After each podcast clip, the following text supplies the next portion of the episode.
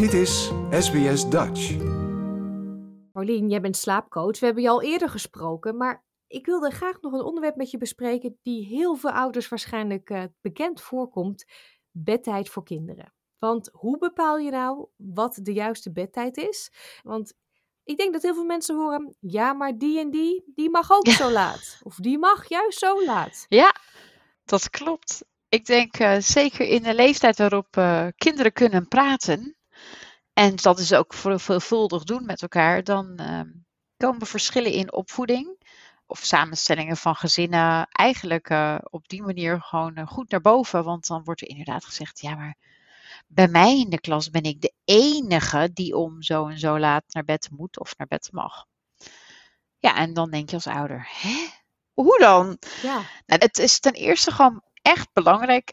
Elk kind heeft natuurlijk echt voldoende slaap nodig. De slaap is echt heel erg belangrijk voor hun hersenen. Um, en voldoende is hoe lang? Hoeveel uur? Nou, dat hangt dus een beetje af van de leeftijd van het kind. Dus heb je een tiener, dus dat is zeg maar iemand vanaf 13, die heeft soms gewoon aan een uurtje of negen of iets meer dan negen voldoende. Ze slapen wel graag, maar ze hebben niet per se op dat moment heel veel nodig. Hmm. Of heel veel meer nodig. Maar 9, 10 uur, dat is het dan wel. Dat is eigenlijk al als een volwassene. Ja. Ze kunnen gewoon wel lekker lang uitslapen hè, in bepaalde groeispurt. Zij denken dan dat ze dat zelf uitzoeken. maar goed, met een tiener heb je dan dus, zeg dat ze iets meer dan 9 uur slapen. Sommigen vinden het gewoon heel erg prettig om lang te slapen. Wat je bij een tiener doet, is eigenlijk kijken, wat ik al een keertje in het eerdere gesprek zei, bij een tiener tel je terug. Dus dan ga je bijvoorbeeld uit van jouw tiener heeft ongeveer met 9 uur staat het op met een gezellige humeur en kan het goed de dag door, haalt het goede cijfers. Dan zie je een energiekind dat niet naar binnen sloft. Dus dan heb ik het dus niet over het puberale gedrag, maar heb ik het echt over het fysieke sloffen. Hè, dus dat ze echt niet meer kunnen. Dat zijn namelijk twee verschillende dingen bij tieners. Maar dat zou ik bij een tiener zou ik terugtellen. Dus als ze bijvoorbeeld om zeven uur met de bus mee moeten, zou ik terugtellen. Zou ik er negen uur terugtellen. Want tieners vinden het fijn om laat naar bed te gaan dan komen ze eigenlijk weer een beetje tot leven. Dus als de ouders denken van nou, ik heb het helemaal gehad, dan heeft een tiener gewoon nog ja, heel veel dingen te doen. Ja. Ontzettend veel dingen te doen. Ja, het leven is natuurlijk ook prachtig, ligt aan hun voeten. Dus dan zeg jij, zeven uur de deur uit, tussen tien en elf mag hij dan naar bed. Ja, tussen tien en elf mag hij naar bed. Dat betekent natuurlijk niet dat dat niet eerder kan. Het kan natuurlijk ook wel eerder, maar dan kun je bijvoorbeeld zeggen, kun je afspraken over maken. Dus kun je bijvoorbeeld zeggen van, nou weet je, je kunt bijvoorbeeld om 9 uur naar boven, je mag 10 uur op je telefoon. En dan kunnen ze bijvoorbeeld daarna gewoon nog eventjes ontspannen met een boekje of zo. Ja, want ze hebben echt wel eventjes off-screen time nodig. En dat is bij tieners natuurlijk een groot probleem. Dus ik zou ze zelf altijd eerder naar bed. En ik heb zelf ook tieners. Die van mij gaan om 9 uur naar bed. Staan om 7 uur op. Alleen ze slapen niet om 9 uur. Dus dan willen ze eerst nog even wat kijken. Nou, dan kijken ze nog een 20 minuutjes. En dan zeg ik, nou, het is nu tijd om het uit te gaan zetten. Mag je nog eventjes een boekje lezen? Dan gaan ze een boekje lezen. En dan gaan om een uurtje of tien de lichten uit. En dan hoor ik ze nog een beetje rommelen, zeg maar. En dan, uh, ja, kwart over tien uh, zijn hun luikjes wel dicht, zeg maar. En elke dag hetzelfde. Ja, en ze zijn, gaan allemaal even laat naar bed, ook al zijn ze niet even oud allemaal. Ja, ze gaan even laat naar bed. Ik heb dan ook nog een dochter van 16. Nou, die mag dan een kwartier langer. Maar die is fysiek bijvoorbeeld weer heel, uh, heel erg in de weer. Dus uh, ja, dan heeft je lichaam bijvoorbeeld veel meer nodig dan als je gewoon een dag alleen maar in de schoolbanken zit. Hmm. En um, zij merken, omdat bij ons slapen een groot deel van mijn leven natuurlijk ook is, hebben we het er vaak over. Zij weten zelf ook van dat als ze niet genoeg slapen, dat ze gewoon niet fit zijn. Hmm. En uh, als je dan tieners hebt en uh, die hebben bijvoorbeeld ook proefwerken of essays in te leveren hè, of bepaalde testperioden, ja, dan als ze zelf ook weten dat ze beter presteren, nou, dan vinden ze dat toch ook wel fijn als ze heel erg hard hebben geleerd om dan dat ook te laten zien op papier. Ja, dus jouw kinderen zijn wel een beetje bovengemiddeld verantwoordelijk op dit vlak door mama. Ja, maar eigenlijk merk ik toch ook al bij hun vriendjes, als ik bij ouders doorvraag, dat toch wel heel veel ouders toch wel zeggen van ja, maar ja, weet je, het is echt wel belangrijk. Maar wat ik denk dat het grootste probleem is, is consistentie. Kijk, als jij kind hebt dat gewoon echt een nachtuil is, die heb je. Hè? Het zijn jonge volwassenen. Ja, sommigen die willen gewoon echt niet voor, die, gaan, die kunnen ook niet voor elf uur slapen.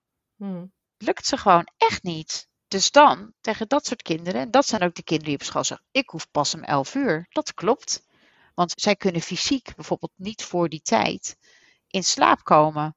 Maar ze zouden wel misschien om tien uur in bed moeten liggen. En dan gewoon misschien inderdaad een luisterboek moeten doen. Hmm. Want wat mag, is natuurlijk niet per se dat wat goed is voor je kind. Nee. Ja, dit zijn de tieners, uh, basisschoolleeftijd. Basisschoolleeftijd. Nou, daar heb je dus echt kinderen die slapen soms heel graag willen, maar waarbij het echt niet lukt. In de lagere klassen van de basisschool hebben we te maken met angsten. Hè, dus de wereld is opeens heel groot. eh, ze gaan naar school, er wordt geleerd. Het is allemaal anders. Je hebt opeens vriendjes of niet, vriendinnetjes. En het is echt, eh, de sociale druk neemt toe. Er gebeurt zoveel. En dat heeft zijn weerslag dan zeker wel op het slapen. Ja, Want ze moeten dat kunnen verwerken. ja. Als ze dus bijvoorbeeld alleen maar in de schoolbanken zitten, dan zijn ze geestelijk heel erg druk. Dus dan raken ze geestelijk echt wel een soort van oververmoeid. Maar dan moeten ze echt fysiek ook wel nog worden uitgeput. Eigenlijk, hè? Dus gelukkig is het vaak dat ze natuurlijk buiten kunnen spelen en dat er daarvoor natuurlijk leuke playgrounds zijn. Maar het is echt ook echt heel erg belangrijk om erop te letten dat er ook gewoon fysiek genoeg gerend kan worden. Want je lichaam heeft ook dat component heel erg nodig om goed te kunnen slapen. Mhm. ja. Hoe bepaal je de bedtijd voor een, eh, een kind dat naar de basisschool gaat?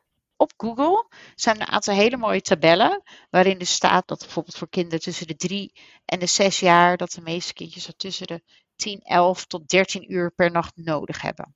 En dan worden ze tussen de 6 en 8 uur uh, s'avonds naar bed gebracht. Er zijn dus tabellen, die kun je gewoon downloaden of bekijken. Dan kun je de leeftijd van je eigen kindje opzoeken. En dan kan je eigenlijk ook zien hoeveel je kindje nodig heeft. Nou, het is natuurlijk hetzelfde als met wat je kindje nodig heeft om te eten. Als er staat twee bruine boterhammen en een banaan. Het is natuurlijk een gemiddelde. Dus er zijn kindjes, als er staat tussen 11 en 13 uur. Er zijn kindjes die zitten aan 11 uur. En er zijn kindjes die zitten aan 13 uur. En mijn tip daarvan zou dan wel zijn van kijk, als je kind het nog echt eh, slechter uitziet. Als je merkt dat het om 5 uur s avonds heel druk begint te doen, terwijl het pas om 7 uur naar bed gaat, is een teken dat het bijvoorbeeld echt heel erg moe is. Hè? Dan worden ze een beetje ja, vervelend, zeg maar. Of dan luisteren ze minder goed, omdat ze gewoon niet meer kunnen. Dan heb jij misschien een kindje dat iets meer slaap nodig heeft. Zo kan je natuurlijk voor jezelf, voor je kind bepalen. Als je kijkt hoe jouw baby sliep als baby, dus had jouw baby als baby heel veel slaap nodig, dat blijft stiekem eigenlijk wel hetzelfde. Dan is het gewoon een persoon dat veel slaap nodig heeft. Of had jij een baby die aan de kortere kant sliep in vergelijking met leeftijdsgenootjes? Dat is ook een goede indicatie, hè?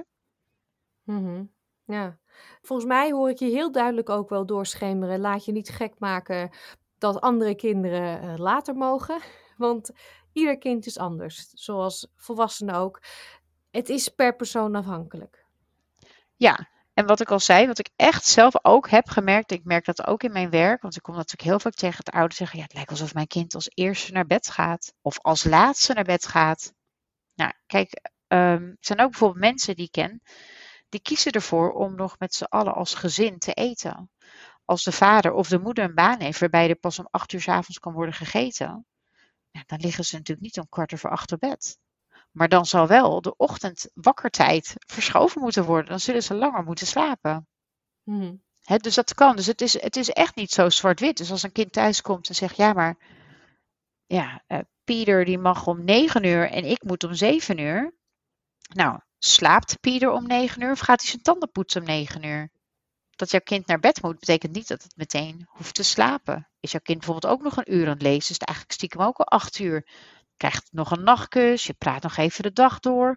Om half negen loop je de slaapkamer uit. Hmm. Dan is er eigenlijk geen verschil. Nee. Dus laat je niet gek maken. Nee, en broertjes en zusjes op uh, hetzelfde moment naar bed laten gaan, ook al zit er twee, drie jaar leeftijdsverschil tussen. Ben je daar een voorstander van of zeg je nee, daar moet je wel een verschil in maken? Nou, als ouder, als je uh, bijvoorbeeld um, gezin bent of een alleenstaande ouder, dan kan het natuurlijk zo zijn dat je op dat moment het bedritueel alleen moet doen. Als je dan mensen apart naar bed moet brengen, is dat heel erg ingewikkeld. Dat is gewoon, ja, je bent maar alleen. Dan wordt dat heel moeilijk. Het is voor het jongere kind, als het ziet dat het oudere kind nog beneden op de bank zit, op de iPad, nou, dan wil het jongere kind natuurlijk never nooit niet naar boven. Dan wordt dat natuurlijk, ja, gaat langzaam doen, gaat rekken. Dus dan zou ik, eh, wat ik altijd deed en wat ik ook meestal adviseer, is om dan bijvoorbeeld met z'n allen het jongere kind naar bed te brengen. Zodat het jongere kind zich niet in de steek gelaten voelt van nou, maar ik moet onder bed. En, en hij of zij nog niet. Dus ik zou bijvoorbeeld zeggen van als je bijvoorbeeld uh, voorstander bent van een boekje lezen. Dus heel veel ouders vinden het leuk om een boekje te lezen met hun kinderen. Dat is bijvoorbeeld een onderdeel dat je dan al met z'n allen kan doen. Dan kan je vast met z'n allen naar boven. En dan kan je bijvoorbeeld zeggen, we gaan nu met z'n allen een boekje lezen. Maar dan kan je dus wel nog steeds het jongste kind als eerste naar bed doen, want het heeft gewoon meer slaap nodig. Mhm. Ja. En op dat moment kun je zeggen tegen het oude kind, ga jij vast even naar je slaapkamer, ga vast even wat voor jezelf doen, mama komt zo of papa komt zo. En dan ben je bezig met het jonge kind, want elk kind heeft gewoon ook heel eventjes tijd met een ouder of een verzorger nodig. Ja. Gewoon even zelf. Ja. En wat heel erg fijn is, we hadden het natuurlijk al over slaap bij volwassenen. Voor een kind is om in de veiligheid, in de veilige armen van de ouders te ontprikkelen. Dat is eigenlijk altijd mijn beste tip.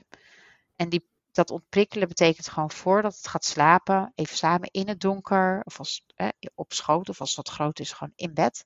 Dat je eventjes gewoon je hand op het kind zijn rug legt en dat je gewoon even vijf minuten zit. Niks zeggen, niet zingen, niet wandelen, niet, gewoon helemaal niks. Gewoon alleen maar eventjes samen zijn. En dan ontspant een kind heel vaak, al omdat het gewoon zich thuis voelt. Het voelt zich gehoord, het voelt zich geliefd en het voelt zich veilig. En daar reageert een lichaam heel goed op. En dat is eigenlijk al een beetje om te prikkelen. En dan daarna zeg je, het is nu tijd om te gaan slapen. Tot morgen. En dan loop je gewoon de deur uit. En dan ga je dus naar het volgende kind, het oudere kind, dat misschien nog wel een half uurtje of een uurtje langer wakker is, hè, afhankelijk van het leeftijdsverschil. Mhm. Ja. Maar dat bedritueel, dus dat boek, dat, dat zou ik gewoon altijd sa- samen tegelijkertijd doen. Want anders moet je dat twee keer doen. Je bent zelf ook moe. Dan wordt het een moedje. "Ah, nog een boek. Val je zelf in slaap? Val je zelf in slaap? Ja, of de ouders die gaan er dan naast liggen en dan worden ze anderhalf uur later wakker. Ja, dus dat gebeurt natuurlijk ook. Dus ik zou bepaalde dingen gewoon heel rechtlijnig houden. Van, het is nu gewoon tijd om naar boven te gaan. Maar een ouder kind heeft natuurlijk wel een punt dat zegt, ja, maar Hmm. ik ben nog niet moe. Nee. Dan mag het dus nog wakker blijven. Dat mag. Dat kun je dan zeggen. Dat kun je dan laten klinken als, nou, dat snap ik. Ja, weet je, je bent ook al heel groot. Nou, je hoeft nog niet naar bed. Kan je nog eventjes spelen met, met de autootjes. Of eh, je doet een puzzel. Of lees een boekje. Of maak een tekening. Kom ik zo meteen bekijken. Maar maak een tekening van je dag. Maar je moet wel even dan rustig zijn. Want ik ga nu naar je broertje of zusje. Ja. Het klinkt zo makkelijk als jij het vertelt. Ja, het klinkt heel makkelijk. Het kan ook echt heel makkelijk zijn. Gelukkig eh, ja, merk ik dan als ouders dan e- eenmaal een beetje daar tips aan krijgen, dat het eigenlijk ook wel makkelijker wordt. We willen het allemaal namelijk zo graag zo ontzettend goed doen. Dat is eigenlijk het moeilijkste. Dat die lat door onszelf eigenlijk heel erg hoog wordt gelegd. Hmm. Dankjewel, Pauline Hoogkamer. Nou, heel graag gedaan. Like, deel, geef je reactie. Volg SBS Dutch op Facebook.